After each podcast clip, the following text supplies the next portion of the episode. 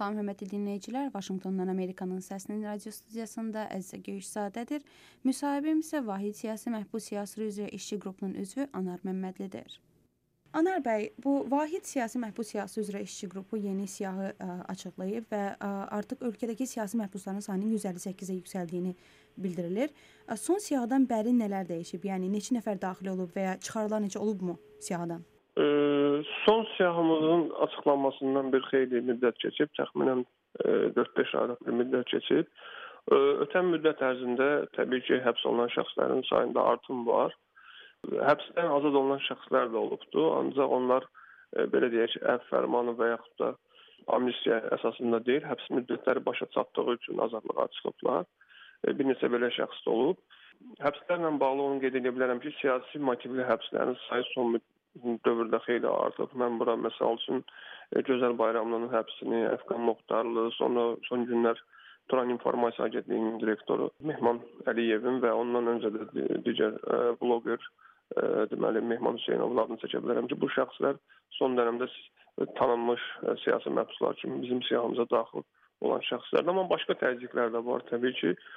Elə şəxslər olur ki, tutalım inzibati motivli həbslərə məruz qalırlar və yaxud da təqib nəticəsində ölkəni tərk etməli olurlar.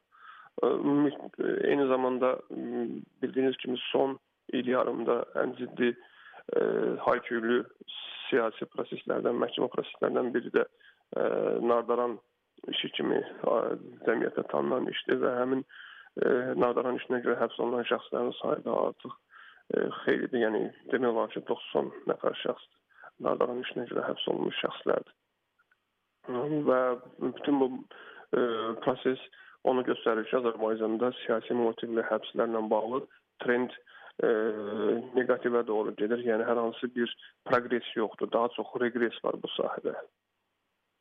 Siz bəs bu son dövrdə bu siyasi məhbusların sayının artımını nə ilə əlaqələndirirsiniz? Yəni ə, e, bu qədər artımını? E, mənə elə gəlir ki, daha çox təbii ki, bu hakimiyyətin e, siyasi hakimiyyətin davranışları ilə bağlıdır. Azərbaycanda hakimiyyət getdikcə daha çox e, dözüm, e, dözümsüz yanaşır alternativ fikrə, ölkədə siyasi baxışlara. Yəni həbs olunan şəxslərin demək olar ki, e, böyük əksəriyyəti bu və digər formada hakimiyyət tərəfindən indiyə qədər təzyiqlərə məruz qalmış şəxslərdir. Yəni konkret olaraq Turan İnformasiya Agentliyinin örnəyini götürsək, Turan İnformasiya Agentliyi Azərbaycanda sonuncu müstəqil media idi və e, necə ki digər media orqanları Azərbaycanda təzyiqlərə məruz qalırlar.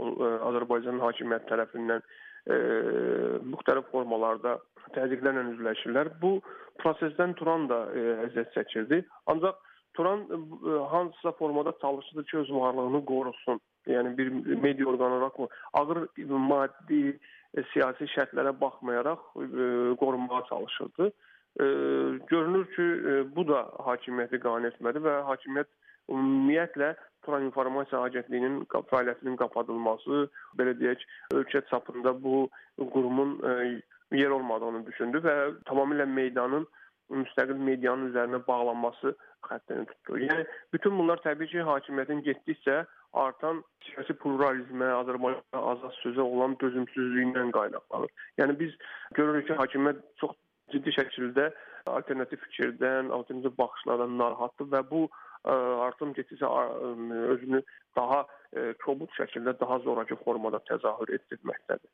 Bir məsələ budur. İkinci bir məsələ Azərbaycanla bağlı siyasi təzyiqlər və təqiblərlə bağlı beynəlxalq reaksiyaların çox güclü səviyyədə olmamasına bağlıdır. Yəni götürək məsələn Turan İnformasiya Agentliyinin e, rəhbəri Mehman müəllimin həbsi ilə bağlı reaksiyalara çox təəssüf doğurur ki, reaksiyalar mən deyərdim çox dişsizdir. Xeyli dərəcədə sərt deyil. Yəni mən deyərdim ki, baş vermiş olaylara adekvat deyil. Yəni faktiki olaraq Azərbaycanda azad söz üçün, ə, azad fikir üçün yeganə belə deyək, müstəv olan informasiya agentliyi qapadılır və Azərbaycanın üzvü olduğu beynəlxalq təşkilatlardan ciddi reaksiyalar ə, eşidilmir. Mən burada qeyd etmək istərdim məsələn ATƏT-in Demokratik Təsisatlar və İnsan Hüquqları Bürosunun çalımçı reaksiyası olsun, istər Avropa Şurası strukturlarının reaksiyası, istər Avropa e, Birliyinin, istərsə də e, Azərbaycanda maraqları olan demokratik dünyanın təmsil edən dövlətlərin reaksiyaları.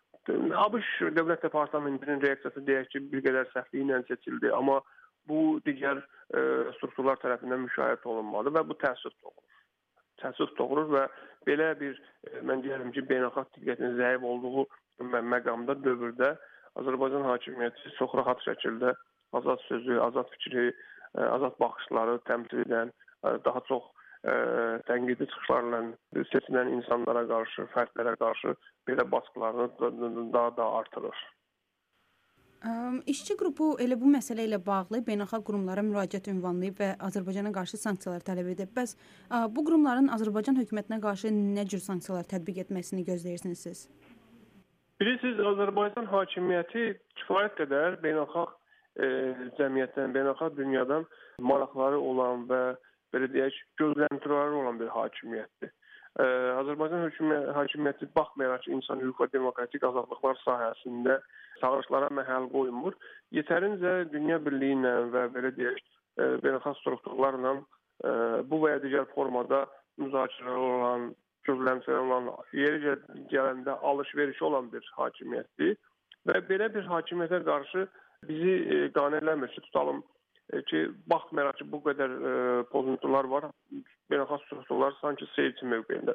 Misal üçün biz daha da detallı baxsaq, Avropa Şurası e, strukturları Azərbaycanda e, İlqar Məmmədovun tutalım e, azadlığa çıxması ilə bağlı yetərincə səylər nümayiş etdirə bilmirlər. E, Avropa İnsan Hüquqları Məhkəməsinin ortada olan qərarı var. Bu qərarın icrası ilə bağlı nə Avropa Şurası Nazirlər Komitəsi, nə tutalım Avropa Şurası baş katibi yetərincə prinsipial və barışmaz mövqe göstərə bilmir. Bununla bağlı dəfələrlə səslənib ki, Avropa Şurası sanksiya tətbiq edə bilər. Tutalım Azərbaycan parlament nümayəndə heyətinin səs vermə hüququnun əlindən alınması, belə bir sanksiyanın ortaya çıxması və yaxud da ki, başqa e, növ sanksiyalar ola bilər ki, Avropa Şurası məsələn bunu qəbul edə bilər.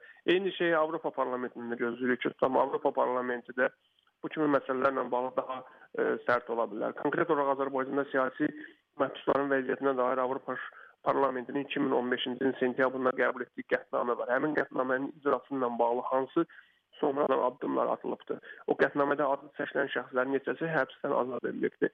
Xüsusi monitorinq altına götürə bilər Avropa Parlamenti. Çünki Azərbaycan hal-hazırda Avropa Birliyi ilə müzakirələr yaşayan bir ölkədir.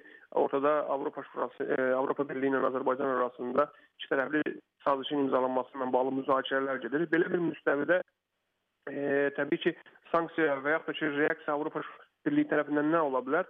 Müzakirələri ən azından dayandırmaq. Çünki yəni nə qədər ki Azərbaycanda siyasi azadlıqlara bu cür münasibət göstərilir, belə bir hakimiyyətlə danışıqların aparılması, hansısa strateji əməkdaşlıq sazişinin imzalanması imitasiyadan başqa bir şey deyil. Yəni bu buna bir mövqe ortaya qoyulmalıdır.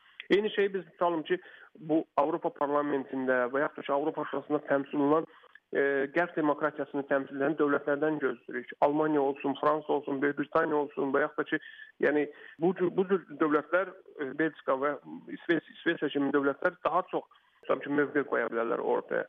Yəni təbii ki, gözləntilərimiz var və biz düşünürük ki, bu qurumlar və bu ölkələr Azərbaycanda baş verən olaylara seyirci qalmamalılar. Necə ki, tutalım ki, Türkiyədə baş verir siyasi repressiyalara səs mövqe sərgiləyirlər, hansısa çıxışlar eləyirlər. Məsələn, Avropa Parlamentinin bu yaxınlarda hesabatı oldu. E, Avropa Birliyi ümumiyyətlə dayandırdı Türkiyə ilə müzakirələr prosesini. Yəni bu kimi məsələlərdə mənə gəlir e, Azərbaycan hökumətinə təzyiq etmək olar. Çünki Azərbaycan hal-hazırda qərb e, maliyyə resurslarından, qərbin maliyyə texniki dəstəyindən asılı olan ölkəyə çevrilməkdədir. Azərbaycan hakimiyyəti çox çalışır ki, ölkədəki maliyyə iqtisadi böhranı ilə çıxış yolu tapmaq üçün müəyyən yardımlar alsın. Amma ə, e, belə bir müstəvidə, belə bir şəraitdə təbii ki, e, Qərbin də edə biləcəkləri var. İnsan hüquqları və demokratiyanın maraqlarını e, göz ardı etmədən. Yəni bizə bizə doğrusu belə deyək, xoş deyil ki, Azərbaycan həm ATƏT-in üzvüdür, həm Avropa Şurası üzvüdür. Eyni zamanda ə, Avropa Birliyi şərq tərəfdaşlıq prosesinin üzvüdür. Amma bu prosesdə qalır, imitasiya edə bilir və heç bir ciddi təpkilərə məruz qalmır. Bu bağışlanmazdır və bu qəbul edilməzdir bizim üçün. Təşəkkür edirəm Anar bəy. Buyurun, sağ olun.